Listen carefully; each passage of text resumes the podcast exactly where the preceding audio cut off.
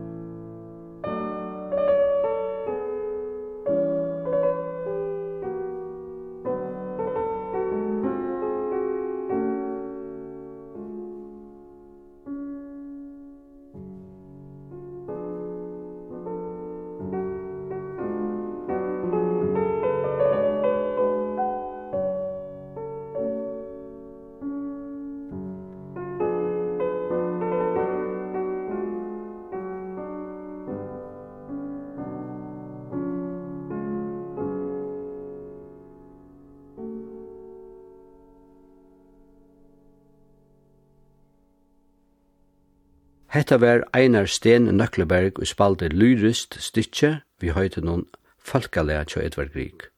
Og fra klavertøvnløyke færa vi iver til orkestertøvnløyk. Vi færa at høyra ta fyrr og svitena til Per Gunt. Per Gunt er løyker til Henrik Ibsen, og i hesen bæ Edvard Grieg seta tøvnløyk til. Fyrir jeg djeva tøvnløykene luiv og avheft av løykene komponera i grik tversviter, opus 46 og opus 55, og er hetta ivalest våre nekka av de kjentasta og mest spalta tjatøvnas min. Vi færa som sagt her at høyra ta fyrra, og hon er u fyra satsen. Tøyr ero, morgenstemning, åse stød, anitra stans, og til søgnas, Dore gubbens hall. Vi fer at høyra New York Philharmonisk Orkester under løsle av Leonard Bernstein spela tonløgjen fyrir jokken.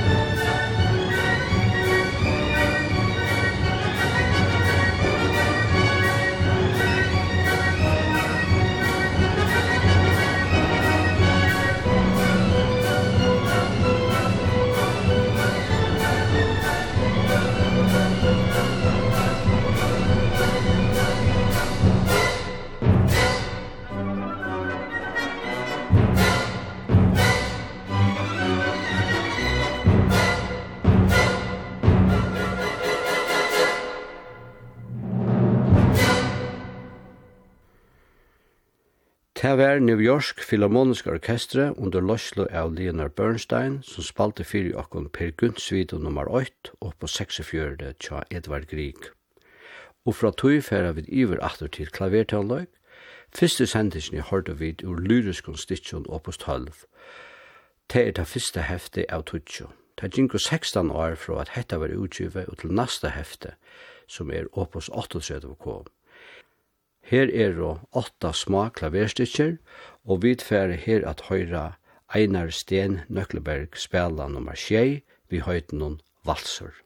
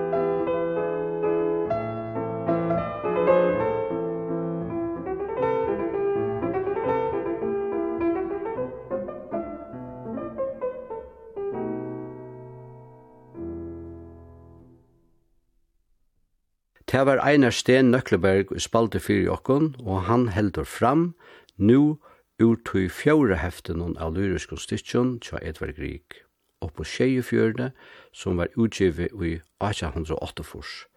Vid høyra nummer 3, vi einfalda høydenon melodi.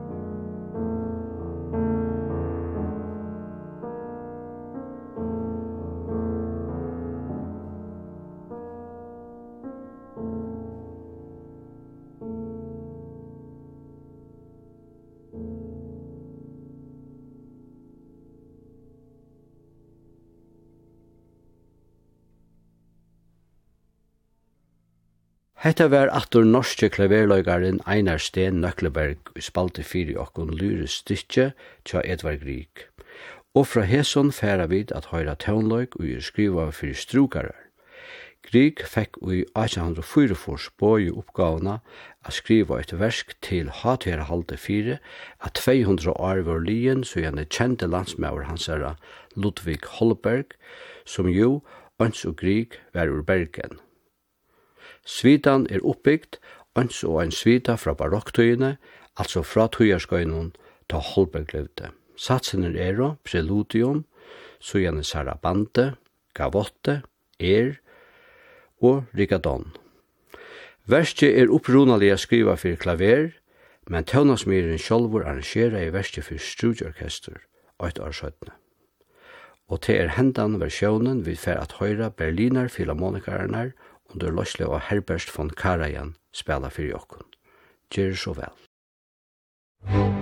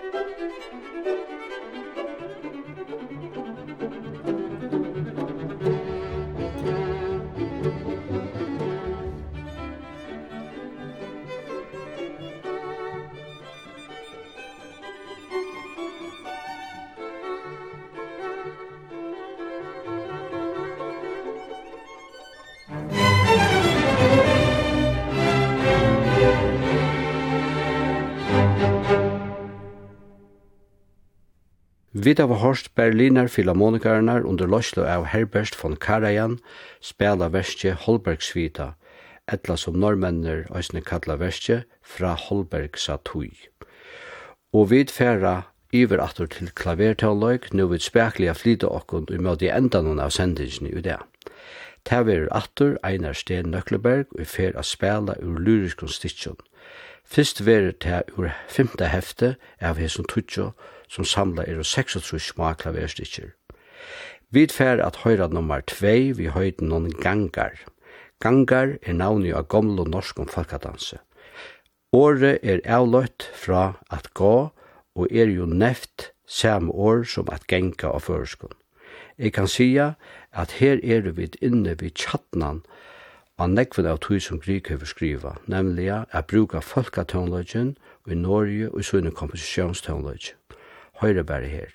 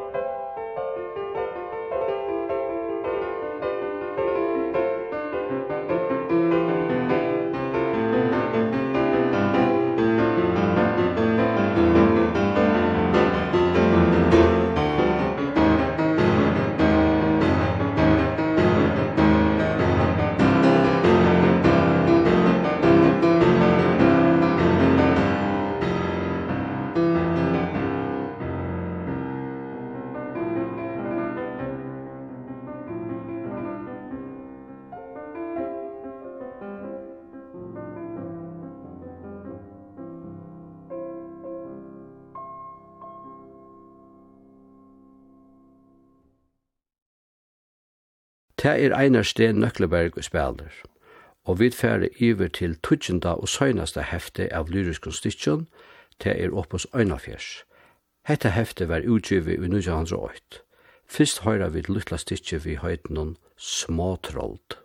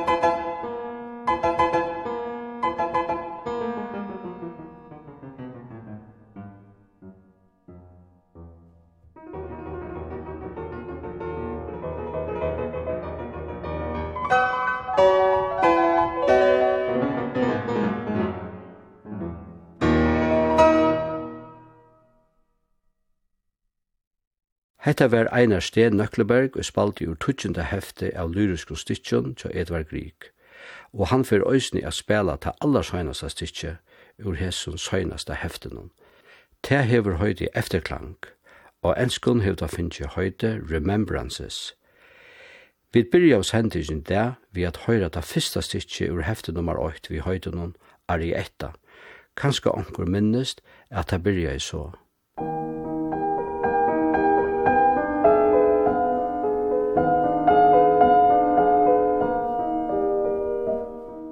Hittil søgnast hefur Grieg umarbeidt hetta vekra leie og et fyrdeldar takt til ein ikkje minne vekran melankolskan vals vi fløyre doskiften, og tøvnagren kanska lykka som høskar vel til ein susta dans. Og hetta var òsne til fra mer henda manain. Tilber at høyra sendingen atur i anna kvöld, manna kvöld klokkan 22. Sendingen ligger òsne i heimasyn kjøkringvarspunnen, leita bæra a kvf.fo, framskak bolero, så finner du henne. Teknikar i det var Rune Esterløy, og i øyde egen av lekene. Sendingen var atter kommande sunnode, og ta vir annar verstur i Udarpsån. Takk for at du lytte av.